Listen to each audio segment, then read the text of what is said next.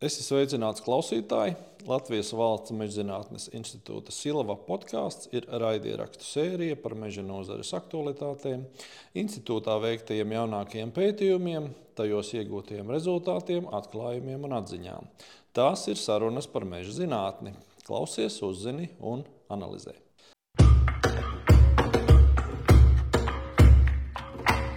Labdien, klausītāji! Šīs dienas mūsu saruna būs ar Silovu vadošo pētnieci Zani Lībieti. Labdien, Zani! Labdien!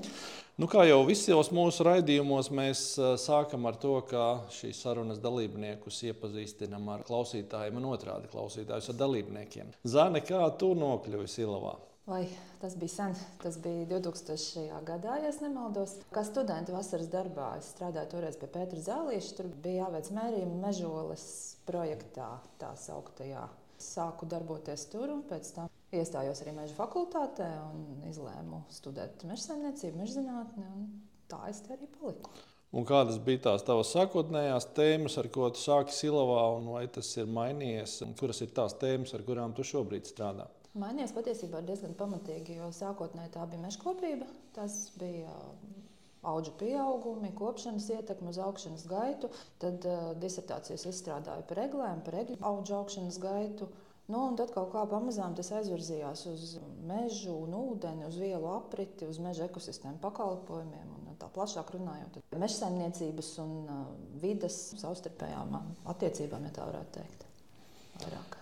Tad varbūt arī sāksim lēnām ritināt vaļā un šķietināt šo stāstu par tavu kompetenci šeit, un varbūt sāksim ar mežu un ūdeni. Mežs varbūt daudziem asociējās ar kokiem, zvēriem un kukaiņiem, bet tava tēma tātad lielā mērā ir šī meža ekosistēmas un ūdens nozīme šajā ekosistēmā. Kādas ir tās jomas, ko tu skaties? Tās jomas, uz ko skatās mana pētījuma grupa, tas ir par meža saimniecības ietekmi uz ūdens kvalitāti Par mežsaimniecības ietekmi uz vielu apriti, kas arī ir ļoti cieši saistīta ar ūdens apriti, protams, jo saka, tas viss ir patiesībā viena cikliska procesa sastāvdaļas. Nu, un tad dažādi faktori, kas ietekmē šos procesus. Nu, mēs zinām, ka mežs īpaši mūsu apstākļos ir ekosistēma ar ļoti plašu ietekmi. Arī tajā skaitā uz tiem ūdeņiem, kas ir mums apkārt. Varbūt var ieskicēt, kāda ir tieši šī meža ietekme uz ūdeņiem. Latvija ir meža zeme un Latvija ir ūdeņu zeme. Mums ir ļoti daudz gan meža, mums ir ļoti daudz arī šo ūdens ekosistēmu. Un tad patiesībā nu, tā savstarpējā miedarbība jau notiek nepārtraukti. Nu, mums ir ļoti daudz mazo upīšu, kas tek cauri mežiem. Un vēl kas ir ļoti svarīgi atcerēties, ka ūdens tece ir tā ekosistēma, kas saista dažādus zemes izmantošanas veidus. Tas nozīmē, ka ūdens upītes saista mums mežu lauksaimniecības zemi, reizēm apdzīvotās vietas. Tādā ziņā, ka Tas ir komplekss ietekmes, ja varētu tā izteikties.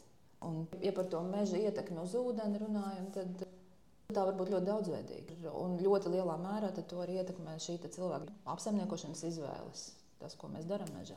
Tā būtu nākamā tēma, par kuru droši vien vajadzētu mums nedaudz padiskutēt par šo mežsaimniecības ietekmi. Cilvēka darbība mežā ir jūtama, ir šī mežsaimnieciskie darbi, sākot ar meža atjaunošanu, meža kopšanu un tam līdzīgi. Kādu tas ietekmi atstāja gan uz meža, ūdeni, gan uz citām uh, ūdens ekosistēmām. Droši vien, ka par šo tēmu tev sanāk strādāt diezgan daudz. Jā, tas ir tas, ko mēs pēdējos, jāsaka, nu, jau apmēram 10 gados, 12 gados esam ļoti detalizēti skatījušies uz šīm ūdens kvalitātes lietām.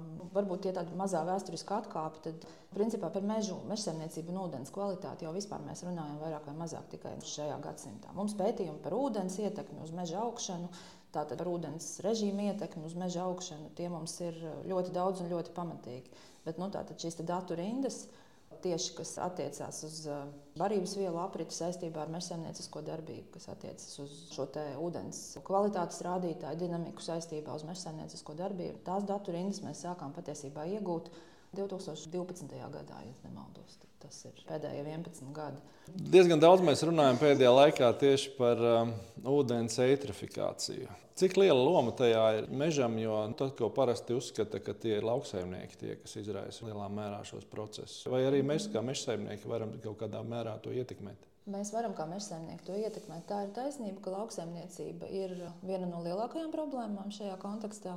Bet tas, ko mēs izvēlamies darīt vai nedarīt mežā, Patiesībā tam arī var būt pozitīva ietekme, jo, kā jau es minēju, tad ūdens saista dažādas ekosistēmas. Meža teritorijas un meža platības var palīdzēt risināt problēmas, kas saistītas ar ūdens kvalitāti. Pat tādā gadījumā, ja tās ir radušās kaut kur citur, ja tās ir radušās teiksim, augštecē, kur ir piemēram lauksaimniecības zemes.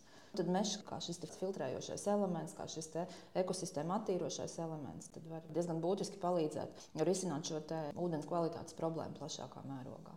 Bet, protams, ir arī mežsaimnieciskas darbības, ko mēs darām mežā, kuras arī var kaut kādā nebūtu veidā arī atstāt negatīvu ietekmi. Bet tad, tur ir uzreiz divi jautājumi. Kad mēs šīs tēmas pētām, tad ir svarīgi skatīties pirmkārt uz datu rindas garumu, jo ir svarīgi, lai būtu pietiekami ilgs novērojuma periods. Tas, ka vielu koncentrācijas izmaiņas var būt ļoti radikāli straujas, piemēram, pirmajā, otrajā gadā. Ja mēs paņemam piemēru, mums ir vienlaidus atjaunošanas cirta, kā cirta, mēs veicam šo saimniecisko darbību, un mums mainās šīs barības vielu koncentrācijas augsnes ūdenī, kas ir ūdens, kas atrodas augsnes virsējā slānī, tad augsnes porās. Nu, principā tas ir tas ūdens, ko izmanto koki savā barošanās procesā. Tad uzņemot ar saknēm ūdeni, ūdeni ir izšķīdušās barības vielas un tā tālāk. Un tā joprojām. ja mēs veicam šo vienlaidu atjaunošanas cirti, tad šī barības vielu dinamika diezgan radikāli izmainās. Tas nenotiek uzreiz, tas nenotiek pirmajā gadā, tas notiek apmēram otrajā, trešajā gadā, kad mums ir tāds pīķis. Un, ja mums ir pētījums, kurš ilgs tikai divus, trīs gadus, tad mēs pie šī pīķa arī pabeidzam šo pētījumu, un tad mēs nedabūjam to bildi par to, kas notiek tālāk. Bet, ja mēs skatāmies šo datu rindu tālāk, tad mēs redzam, ka pēc šī pīķa ir ļoti radikāls kritums piemēram, slāpekļa vai nitrātu slāpekļa koncentrācijās. Un tad šīs nitrātu slāpekļa koncentrācijas parasti atgriežas references periodu līmenī vai arī reizēm pat pie zem tā. Un pēc tam, pēc kaut kādiem gadiem, pieciem, sešiem, mums ir nākamais pīķis, kas ir jau maziņāks, ko izraisa tas, ka sadalās eh, šīs lielākā izmēra ciršanas atliekas, ja tās ir atstātas, protams, šajā izcirtumā. Vēl viena lieta, kas ir šajā kontekstā svarīga, ko mēs arī esam noķēruši šajos pietiekami ilglaicīgajos pētījumos, ka dabiskiem procesiem, dabiskiem traucējumiem, kā piemēram vējgāze, ar pēc tam neizvāktiem koku materiāliem. Kukaiņu bojājumi izraisa lielu mirušās koksnes daudzumu mežā. Tam arī patiesībā ir diezgan radikāla ietekme uz šo barības vielu režīmu. Arī tādā gadījumā mums ir daudz organiskās vielas, kas sadalās, nu, un šī organiskā vielai sadaloties, tad atbrīvojas arī šis slāpekļa savienojums, fosforu savienojums, un arī varbūt radikāli paaugstinās šis varības vielu saturs, kas tālāk teorētiski var mums ieskaloties gruntsūdeņos un tālāk aiziet uz šiem te ūdenstecēm. Tu ieskicēji šo ilglaicīgo pētījumu nozīmi. Kas ir tie objekti, kur tu strādā? Mūsu ilglaicīgie objekti ir zinātniskās izpētes mežos. Tas ir Kalnsnams meža novads. Mums ir trīs objekti pašlaik skujkoku audzēs ar šo garo datu rindu. Un šogad ir ierīkoti papildu divi objekti lapu koku audzēs. Vajadzētu būt, ka lapu koku audzēs tā dinamika būs mazliet atšķirīga. Jo tur mēs skatīsimies arī dabisko atjaunošanos, Meža atjaunošanas cirtas mums tādu kādu brīdi nav lielo koku, kas izmanto šīs barības vielas, kas var izraisīt atkal šo nitrātu, piemēram, satura palielinājumu augsnes ūdenī, varbūt arī gruntsūdeņos. Bet, eh, ja mums ir uzreiz šī dabiska atjaunošanās, piemēram, no sākņu atvesēm, tad teorētiski vajadzētu būt tā, ka barības vielu palielinājums ir mazāks. Nu, to mēs redzēsim. Es saprotu, ka viena no tām tēmām, ar ko tava grupa darbojās pēdējā laikā, ir dzīvesudrabs. Ar ko ir nozīmīgs šis elements un kā tu uz viņu skaties mm. savos pētījumos? Nu jā, par dzīvesudrabu mums daudz brīnās, ka pēc dzīvesudrabs mēs varbūt par dzīvesudrabu domājam veco bērnības termometru kontekstā, bet īstenībā jau dzīvesudrabs ir dabā esoša viela. Bet tas ir arī globāli nozīmīgs piesārņojošs elements. Nu, tas būtiski var pasliktināt vidas kvalitāti gan sauszemes ekosistēmās, gan ūdens ekosistēmās. Un šīs paaugstinātās dzīvesdarba koncentrācijas apdraud gan faunu, gan cilvēku veselību. Un arī Latvijā izrādās, ka šie monitoringa rezultāti, ko veic Latvijas vidas geoloģijas un meteoroloģijas centrs, tātad tiek analizēti zivju muskuļaudi. Nu, ir apmēram 130 monitoringa stacijām. 30 šajās stacijās, šajās zivju muskuļaudos ir konstatētas, ka šīs te paaugstinātās dzīvesturbu koncentrācijas. Tad ir jautājums, ko mēs varam darīt, veicot dažādus zemes apsaimniekošanas pasākumus, lai šīs koncentrācijas samazinātu. No kurienes dzīvesudrabs nāk? Tas ir pārobežu gaisa piesārņojums. Droši vien tas ir arī deponētais piesārņojums, kas ir no padomu laikiem saglabājies augstnē, iespējams ar minerālu mēsliem, ar, ar mēslošanas līdzekļiem ienests. Bet arī šis gaisa piesārņojums, kas ir joprojām no austrumu zemēm, kur varbūt mazāk šī vidas kvalitātes kontrole dažādās fabrikās, dažādās kalnrūpniecības vietās, Tas ir tāds globāls process. Tas nav tā, ka tikai Latvijā piesārņotājs izsēžas. Un tas, kas rada problēmas un kāpēc dzīvesudrabs ir sevišķi bīstams elements, ir tas, ka ir šis metilācijas process. Un metilācijas process nozīmē to, ka neorganiskā forma, kas ir nevisai mobila vidē, pārveidojas organiskajā, kas ir metildzīvsudrabs.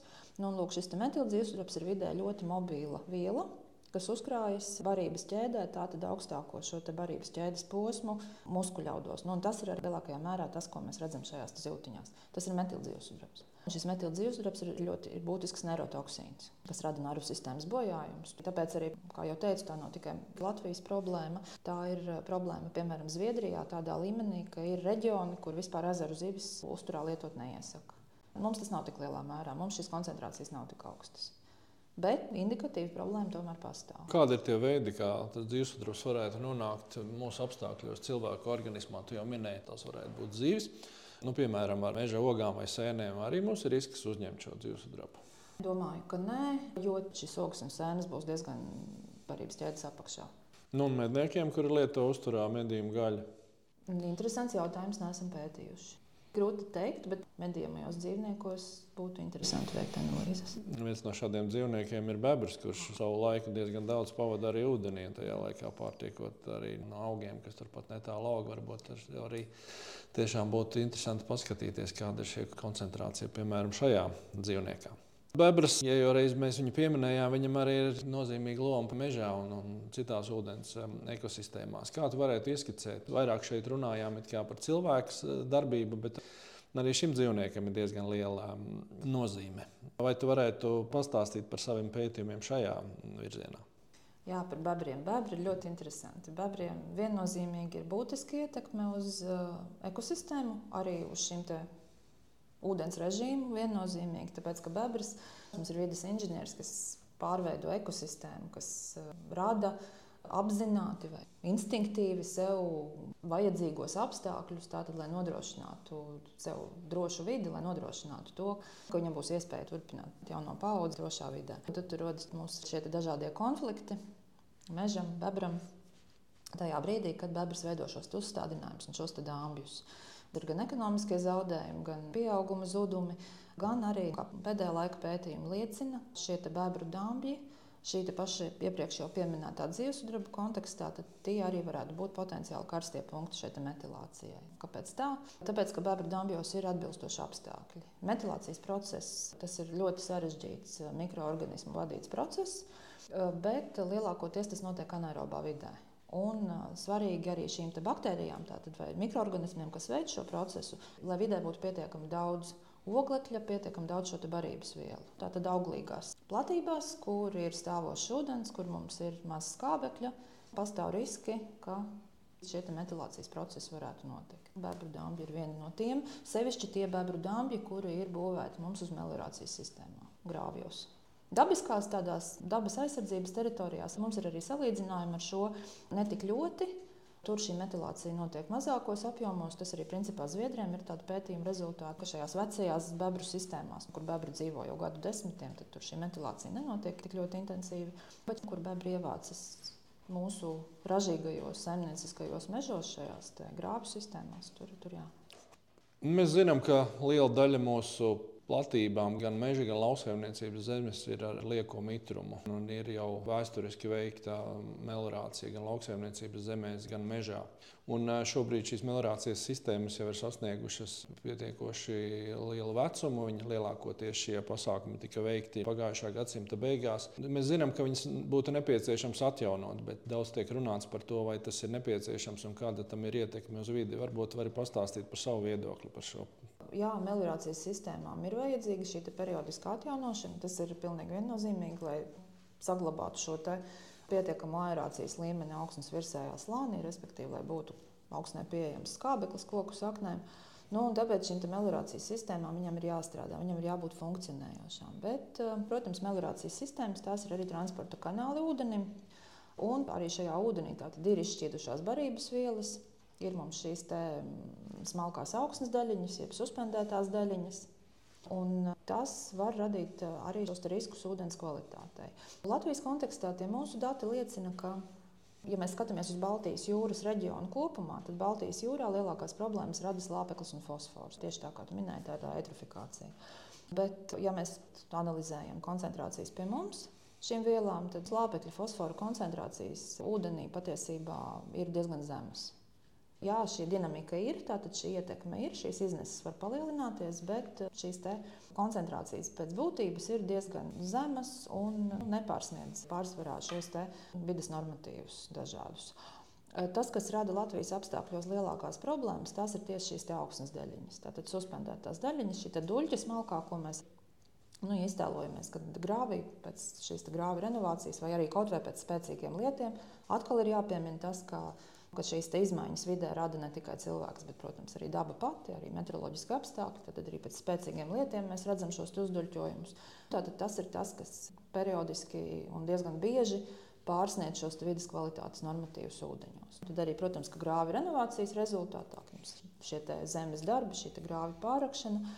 Protams, tur notiek šī gan ūdens kustība, gan augsnes daļiņas tiek atbrīvotas. Nu, tātad, pārvietojas uz lejteci un var radīt uh, problēmas šajā uztverošajā ūdenstecē. Nu, pārsvarā caur to, ka mainās uh, šis ūdens caurspīdīgums, mainās ūdens dzidrums.